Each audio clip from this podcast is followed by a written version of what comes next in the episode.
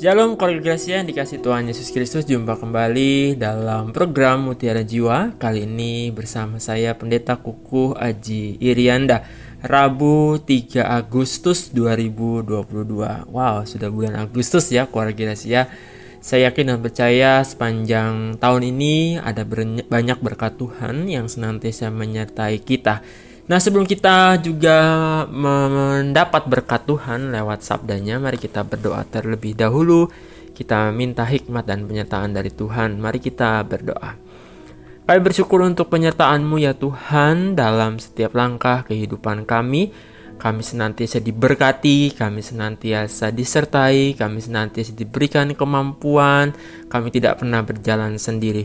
Dan biarlah berkat itu juga nyata dalam program Mutiara Jiwa saat ini, lewat ruang dengar kami ketika Tuhan mau membagikan sabda firman Tuhan. Biarlah firman itu menjadi rema, menjadi berkat bagi kami, dan kami pun menjadi berkat bagi sesama kami. Dalam nama Tuhan Yesus kami berdoa. Amin. Baik keluarga saya kita buka satu bagian firman Tuhan dari Lukas pasal 12 ayat 13 sampai dengan yang ke-21. Lukas pasal 12 ayat 13 sampai dengan yang ke-21. Lukas pasal 12 ayat 13 sampai dengan 21. Sekali lagi Lukas 12 ayat 13 sampai dengan 21 firman Tuhan berbunyi demikian. Seorang dari orang banyak itu berkata kepada Tuhan Yesus, Guru, katakanlah kepada saudaraku supaya ia berbagi warisan dengan aku. Tetapi Tuhan Yesus berkata kepadanya, Saudara, siapakah yang telah mengangkat aku menjadi hakim atau pengantara atas kamu? Kata Tuhan lagi kepada mereka, Berjaga-jagalah dan waspadalah terhadap segala ketamakan Sebab walaupun seorang berlimpah-limpah hartanya, hidupnya tidaklah tergantung daripada kekayaannya itu. Kemudian Tuhan mengatakan kepada mereka suatu perumpamaan katanya. Ada seorang kaya, tanahnya berlimpah-limpah hasilnya. Ia bertanya dalam hatinya, apakah yang harus aku perbuat sebab aku tidak mempunyai tempat di mana aku dapat menyimpan hasil tanahku? Lalu katanya, Inilah yang akan aku perbuat. Aku akan merombak lumbung-lumbungku dan aku akan mendirikan yang lebih besar. Dan aku akan menyimpan di dalamnya segala gandum dan barang-barangku. Sudah itu aku akan berkata kepada jiwaku, jiwaku ada padamu banyak barang tertimbun untuk bertahun-tahun lamanya. Beristirahatlah, makanlah, minumlah, dan bersenang-senanglah. Tetapi firman Allah kepadanya, "Hai engkau orang bodoh, pada malam ini juga jiwamu akan diambil daripadamu. Dan apa yang telah kau sediakan untuk siapakah itu nanti?" Demikianlah jadinya dengan orang yang mengumpulkan harta bagi dirinya, jikalau ia tidak kaya di hadapan Allah. Kongregasi yang dikasih oleh Tuhan Yesus Kristus, tema kita pada sore hari ini program Mutiara Jiwa adalah harta yang paling berharga. Sekali lagi, harta yang paling berharga. Kongregasi suatu kali hiduplah seorang pengusaha yang dermawan ya dan sangat-sangat terkenal di Amerika Serikat namanya John Rockefeller. Ya sekali lagi John Rockefeller. Dia adalah seorang pengusaha dan dermawan yang hidup pada tahun 1839 dan meninggal pada tahun 1937 jadi seorang pengusaha pada abad 19 ya. Nah kenapa dia terkenal sebagai seorang pengusaha? Karena dia adalah orang yang berhasil menguasai hampir 90% minyak di Amerika Serikat pada waktu itu ya dengan mendirikan sebuah perusahaan minyak namanya Standard Oil Company. Nah, pada saat kematiannya pada tahun 1937 itu total kekayaannya adalah tercatat 1,4 miliar dolar Amerika ya. Itu tahun 1937 keluarga Gracia ya. Dengan kata lain pada tahun itu ya Rockefeller sesungguhnya adalah berhasil menjadi orang terkaya di dunia ya pada zaman itu ya bayangkan ya dan kekayaan 1,4 miliar dolar ya pada tahun 1930-an ya dan jadikan dia seorang atau orang yang paling kaya di dunia ini. Nah, pertanyaannya adalah apakah kemudian kalau keluarga Gracia punya uang sebanyak itu? Ya mari kita coba berimajinasi ya kalau keluarga Gracia punya uang ya saat ini deh nggak usah zaman 1930-an uangnya 1,4 miliar dolar saat ini nih ya keluarga Gracia kira-kira keluarga Gracia bahagia nggak Nah, coba direnungkan nih keluarga Gracia. Punya uang 1,4 miliar sekarang ya. E, dengan uang sebanyak itu apakah keluarga Gracia bahagia? Ya, mungkin jawaban kita bisa e, relatif ya. Ada yang mengatakan, oh ya bahagia dong, ya punya uang sebanyak itu, ya ngapain lagi nggak bahagia? Ya bisa traktir makan, ya orang banyak, ya Kemudian kita nggak usah lagi mikirin masa depan ya. Tujuh turunan kayaknya itu uang nggak bakalan habis ya guys ya. Atau juga mungkin mengatakan, oh kita nggak usah kerja lagi kalau gitu ya. Udah pensiun dini begitu ya dengan uang sebanyak itu. Nah tetapi kemudian ada yang menarik nih keluarga Gracia. Ketika Rockefeller hidup, ada seorang reporter bertanya kepadanya uh, tentang harta kekayaannya itu ya.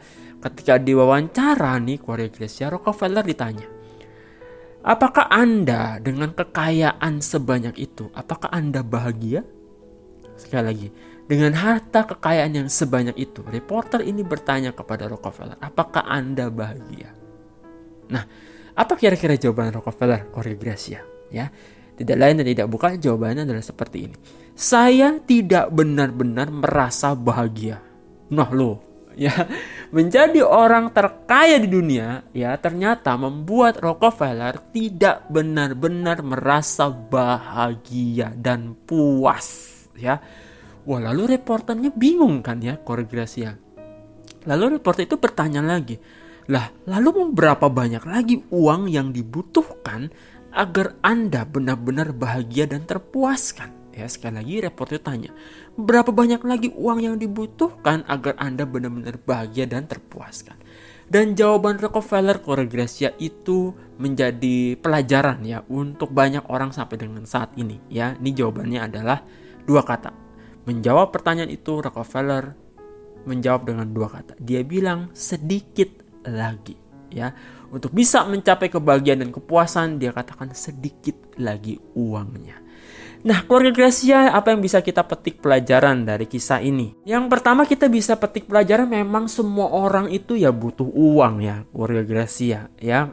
Semua orang butuh uang itu pasti yang pertama. Beli beras butuh uang, ya beli lauknya juga butuh uang. Anak sekolah butuh uang. Belum lagi lesnya matematika, apa fisika ya, eh, IPS atau mungkin juga belum les-les musik ya dan lain sebagainya butuh uang ke rumah sakit butuh uang. Ada BPJS, BPJS juga bayar butuh uang. Nah itu yang pertama ya koregresi. Memang kehidupan kita di dunia ini ya tidak lepas dari yang namanya kebutuhan yang namanya uang. Ya uang itu menjadi sebuah kebutuhan. Dan pelajaran yang kedua yang kita bisa petik adalah ketika seseorang sudah punya sesuatu, nah jawaban Rockefeller ini bisa menjadi refleksi buat kita ya.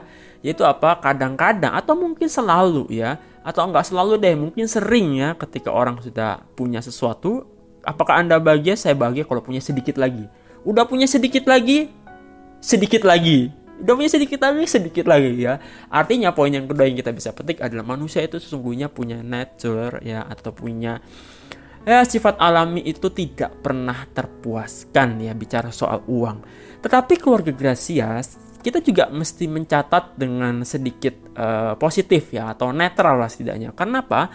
Karena uang pada sejatinya itu bukan hal yang buruk ya koregresi. Uang itu pada sejatinya pada dirinya sendiri adalah netral. Artinya uang itu bisa juga kita pakai untuk hal-hal yang baik. Ya tidak selalu uh, yang namanya harta yaitu adalah satu hal yang negatif. Duit itu suatu bukan suatu hal yang selalu negatif ya.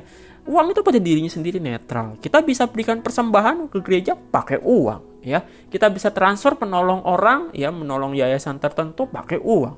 Ya kita bisa menolong orang-orang miskin juga butuh uang ya jadi banyak hal positif yang kita bisa gunakan dari uang atau berkat Tuhan yang uh, Tuhan berikan dalam kehidupan kita.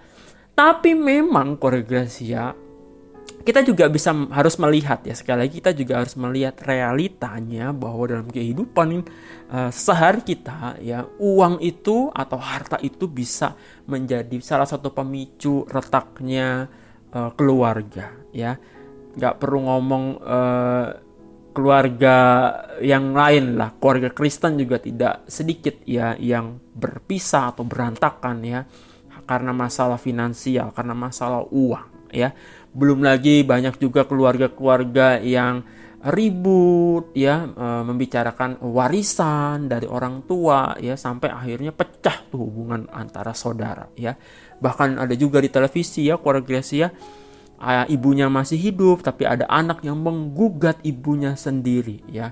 Oleh karena harta warisan. Lah hartanya punya siapa? Ya anaknya menggugat ibunya karena dirasa tidak adil bicara soal warisan. Nah itulah memang sejatinya ya ke realita kita ya koregrasi yang terjadi ya. Dan itu tidak jauh dalam kehidupan kita.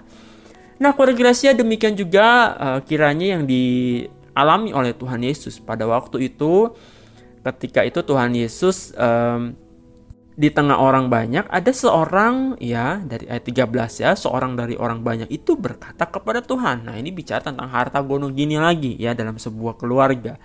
Dia katakan guru katakanlah kepada saudaraku supaya ia berbagi warisan dengan aku. Waduh ya ternyata bicara soal harta warisan itu uh, harta gono gini gitu ya itu sudah ada dari zaman dulu ya dari zaman Tuhan Yesus sampai dengan hari ini. Dan Tuhan pun nampaknya juga dilibatkan nih ya dalam hal harta gono gini. Ya guru katakanlah kepada saudaraku supaya ia berbagi warisan. Tetapi kemudian Tuhan Yesus berkata kepada orang itu, Saudara, siapakah yang telah mengangkat aku menjadi hakim atau pengantara atas kamu? Ya, dan Tuhan Yesus tidak banyak bicara, tapi kemudian dia mengajar, ya bukan hanya orang itu, ya, tetapi juga semua orang yang ada di situ karena waktu itu ada orang banyak yang mengikuti dia. Tuhan Yesus menceritakan dalam ajarannya tentang sebuah perumpamaan yang oleh Lembaga Alkitab Indonesia diberikan judul perikop orang kaya yang bodoh bacaan kita hari ini ya. Firman Tuhan katakan begini dalam perumpamaan Tuhan Yesus. Ada seorang kaya, kata Tuhan. Tanahnya berlimpah-limpah hasilnya. Wow, ya ini aja udah menarik ya. Tanahnya berlimpah-limpah. Ibaratnya kalau zaman dulu zaman Tuhan Yesus ya orang itu makanan pokoknya adalah gandum. Nah kalau sekarang ini ibaratnya ada seorang kaya sawahnya berlimpah-limpah hasilnya. Waduh ya keren ya. Lalu kemudian orang kaya ini bertanya dalam hatinya apakah yang harus aku perbuat sebab aku tidak punya tempat di mana aku dapat menyimpan hasil tanahku? Ya dia bergumam ya dia e, bertanya dalam hati begitu ya apa yang harus aku lakukan? Udah nggak punya tempat lagi nih aku untuk menyimpan hasil tanahku. Lalu dia katakan aha ya ini yang akan aku perbuat ya. Aku akan merombak lumbung-lumbungku. Waduh lumbungnya ini aja lumbung-lumbungku ya artinya ini lebih dari satu ya.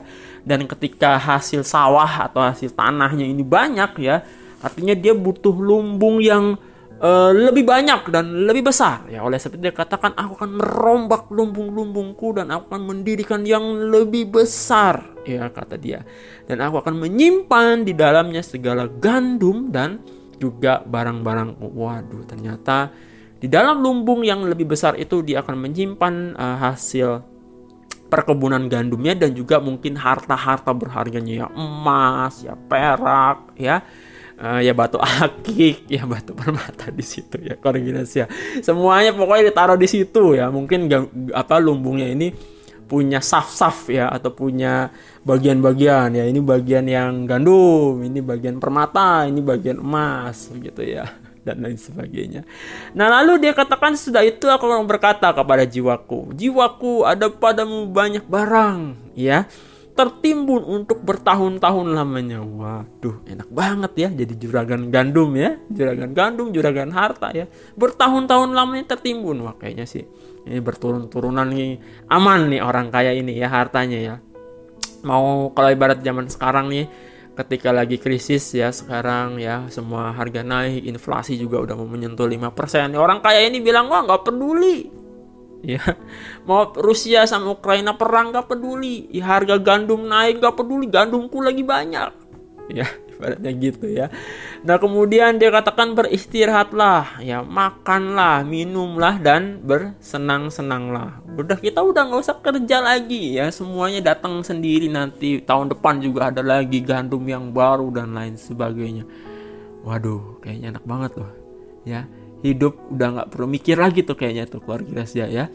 Hidup udah tenang-tenang aja. Ya mau punya anak berapa juga kayaknya bakal semua terpenuhi ya kebutuhannya. Mau apa lagi cari? Apa lagi kan kira-kira gitu ya? Udah seperti dia katakan ah udahlah santai-santai aja. Jiwaku ada banyak barang tertimbun. Yuk kita istirahat kita makan minum bersenang-senang kata dia ya. Tetapi keluarga Gracia firman Tuhan datang ya kepada orang itu hai engkau orang bodoh Ya, sekali lagi ini mungkin alasan kenapa LAI mengatakan judulnya adalah orang kaya yang bodoh ya. Hai engkau orang bodoh, pada malam ini juga kata Tuhan jiwamu akan diambil daripadamu. Nah, loh ya. Ketika dia baru berencana untuk bersenang-senang begitu ya, udah leha-leha, ternyata Ketika dia baru bergumam dalam hatinya begitu, Tuhan datang ya dalam firman-Nya, "Hai engkau orang bodoh, pada malam ini juga jiwamu akan diambil daripadamu." Nah, lu ya. Dan apa yang telah kau sediakan untuk siapakah itu nanti? Ya. Dan akhirnya ya, malam itu juga orang kaya itu meninggal dunia atau dipanggil Tuhan. Nah, oleh sebab itu kemudian Tuhan berkata ya di ayat yang 15 Berjaga-jagalah kata Tuhan ya, waspadalah terhadap segala ketamakan. Ya, sekali lagi kata Tuhan, berjaga-jaga waspadalah terhadap segala ketamakan sebab walaupun seorang berlimpah-limpah hartanya, ya sekali lagi sebab walaupun seorang berlimpah-limpah hartanya, hidupnya tidaklah tergantung daripada kekayaannya itu. Ya, artinya kita bisa berefleksi dari perkataan Tuhan ini Mau sebanyak-banyak apa pun harta kita, mau miliaran, mau triliunan, tidak akan pernah kita bisa bawa ke sorga. Ya, iya kalau masuk sorga, ya kan gitu ya. Tidak akan pernah kita bisa menyogok misalkan kita sebagai orang kaya nanti di pintu sorga ini saya kasih uang hartamu. Tidak ada pernah bisa begitu. Ya, ketika kita meninggal tidak ada satu rupiah pun, satu sen pun yang bisa kita bawa ke sorga ya semuanya kita tinggalkan di dunia yang fana ini ya. Hidup kita kata Tuhan itu tidak tergantung kepada kekayaannya. Nah Cordelia lewat tema uh, harta yang paling berharga. Nah apa yang bisa kita petik Cordelia yang pertama kita bisa belajar dari perumpamaan ini dan juga kita bisa belajar dari uh, perkataan Tuhan Yesus. Yang pertama adalah ini poin yang pertama. Berjaga-jagalah dan waspadalah terhadap segala ketamakan. Ya, apa itu ketamakan? Tamak adalah sifat di mana kita tidak pernah puas. Sama seperti yang tadi John Rockefeller tadi. Ketika dia mengatakan kapan Anda bahagia? Ya, kapan Anda puas? Ketamakan akan selalu mengatakan sedikit lagi. Ketika sudah tercapai itu sedikit lagi, sedikit lagi. Ya, udah tercapai sedikit lagi, sedikit lagi. Tidak akan pernah ada habisnya ketika kita ya mengejar harta di dunia ini ya tidak akan pernah bisa tidak akan ada habisnya ya bicara soal kepuasan. Nah oleh sebab itu Koregresia bicara soal harta ya jangan lupa untuk kita senantiasa bersyukur kepada Tuhan ya. Jangan lupa untuk kita senantiasa berterima kasih untuk semua berkat yang Tuhan berikan ya. Nah bicara soal ketamakan juga bukan hanya bicara soal mengucap syukur ya Koregresia dan juga bukan bicara tentang uh, apa ya harta ya. Tapi bicara soal ketamakan juga bisa bisa beraspek luas ya. Bisa banyak hal bicara soal ketamakan. Misalkan kita tidak bersyukur dengan keluarga kita iri dengan keluarga orang ya. Kenapa ya uh, keluarga itu bisa bahagia? Keluargaku kok kurang bahagia? Kita juga bisa nggak puas diri misalkan eh Kenapa ya suamiku nggak seperti uh, suaminya dia, nggak seperti suami tetanggaku? Kenapa istriku nggak seperti istrinya tetanggaku? Ya, istriku tuh selalu pokoknya di mata kita tuh selalu kurang. Ya, suami kita di depan mata kita tuh selalu kurang. Bisa juga sebagai anak-anak, kenapa sih mamaku tuh nggak seperti mamanya dia? Ya pengennya lebih, pengennya lebih. Ya rumput tetangga selalu lebih hijau kelihatannya. Nah bicara soal ketamakan itu juga bisa hadir di tengah-tengah keluarga kita. Ya hati-hati warga ya, ya mengucap syukurlah ya untuk apa yang sudah kita pilih ya untuk apa yang sudah Tuhan berkati ya dan jangan pernah uh, apa ya uh, punya merasa kurang begitu ya dengan apa yang kita miliki. Nah, kalau kita tamak nih keluarga hati-hati keluarga Kita mungkin bisa berlaku tidak setia ya kepada istri kita kita juga mungkin bisa berlaku tidak setia kepada suami kita. Kalau di dalam rumah tangga kita selalu mengatakan sedikit lagi, kurang lagi, kurang lagi. Nah, poin yang kedua yang kita bisa petik adalah hati-hati ya terhadap harta dalam arti eh, belajarlah bahwa harta itu ya bisa digunakan sebagai hal yang positif tapi juga banyak kejadian ya bahwa harta itu menjadi uh, punya potensi untuk merusak uh, hubungan ya di tengah-tengah keluarga ya suami istri sekali lagi ya dan juga uh, berebut harta warisan kakak adik bisa pecah bisa berantem bisa berujung kepada pengadilan semuanya digelapkan matanya oleh karena harta keluarga dan ini yang perlu untuk kita hati-hati ya Padahal kalau kita mau renungkan ya keluarga gracia bukankah harta itu kan sebenarnya titipan ya. Titipan yang Tuhan kasih untuk kita bukan hanya bicara soal egonya kita nih ya. Uh, sekali lagi kita tidak akan membawa apa pun di tengah-tengah kematian kita keluarga gracia. semuanya akan ditinggalkan ya. Hidup ini sebentar. Hidup ini fana ya semu ya. Hidup kita yang sejati itu nanti ketika kita uh, sudah ada bersama dengan Tuhan Yesus di sorga. Nah, oleh sebab itu kata Tuhan, kayalah di dalam kebajikan ya kayalah di dalam percuma kata Tuhan ya engkau punya banyak harta tapi engkau tidak kaya di dalam Tuhan artinya ketika kita punya harta janganlah harta itu menjadi potensi untuk kita bertengkar untuk hal-hal yang negatif ya untuk perpecahan bahkan perpecahan dalam keluarga dalam gereja dan lain sebagainya tapi harta itu justru harus kita pakai untuk hal-hal yang baik ya untuk hal-hal yang positif untuk berbagi kepada orang lain Ya itulah poin yang ketiga yang kita bisa petik ya keluarga Gracia bahwa kita itu harus kaya di dalam Tuhan. Ya. Saya tidak dalam renungan ini keluarga Gracia saya tidak mengatakan bahwa orang Kristen itu tidak boleh kaya ya, tidak boleh menabung, tidak. Kayalah, ya, menabunglah, berencanalah untuk masa depan. Tetapi di samping itu kita juga harus kaya di dalam Tuhan yaitu ketika kita bisa berbagi kepada sesama ya Jangan lupa itu guys ya berbagi pada orang miskin ya. Ingat ya perkataan Tuhan Yesus ya. Tuhan Yesus itu datang, ya roh Tuhan ada padaku untuk menolong ya orang-orang buta, orang lumpuh berjalan, orang miskin ya berbagi kepada orang miskin. Tuhan itu berpihak kepada orang-orang lemah seperti itu. Nah, jadi bicara soal kaya di dalam Tuhan itu ya eh, harta itu harta kekayaan itu bukan ukuran kebahagiaan sejati ya atau satu-satunya. Tetapi uh, harta itu bisa menjadi ukuran kebahagiaan ketika kita juga bisa berbagi untuk orang lain. Ketika harta itu menjadi alat ya untuk juga bisa berbagi kebahagiaan dengan orang lain. Nah, lewat tema harta yang paling berharga, kita juga bisa memetik poin yang keempat bahwa ya harta yang paling berharga itu kan sebenarnya bukan duit. Ya. Harta yang paling berharga itu kan sebenarnya bukan materi. Tapi apa keluarga ya? Efesus 2 ayat 8 sampai 9 mengatakan begini. Sebab karena kasih karunia kamu diselamatkan oleh iman. Itu bukan hasil usahamu tetapi pemberian Allah. Itu bukan hasil pekerjaanmu, jangan ada orang yang memegahkan diri. Apa yang bisa kita petik?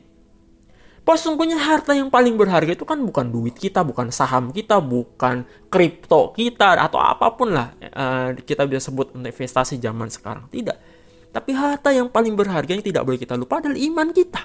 Ya, oleh karena kasih karunia kamu sudah diselamatkan. Kamu tinggal percaya. Ya, kita, saya dan Anda tinggal percaya. Itu bukan hasil usahamu. Kamu nggak perlu lagi nyogok Allah. Kamu tidak perlu lagi uh, mengumpulkan apa namanya? Uh, pahala kebaikan tidak. Semuanya Tuhan beri kata firman Tuhan. Ya, itu bukan hasil pekerjaanmu. Nggak perlu ada orang memegahkan diri kamu sudah diselamatkan. Itu harta yang paling berharga dalam kehidupan kita. Betul nggak, para gracia? Ya, jadi ketika kita sudah selesai dalam dunia ini, ya Tuhan kasih jaminan itu the precious ya uh, treasure ya itu adalah harta yang paling berharga dalam kehidupan kita.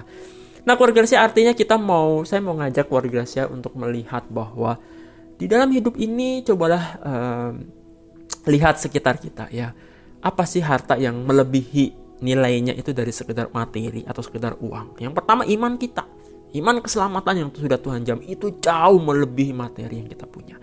Yang kedua yang kita bisa lihat, coba lihat sekeliling kita.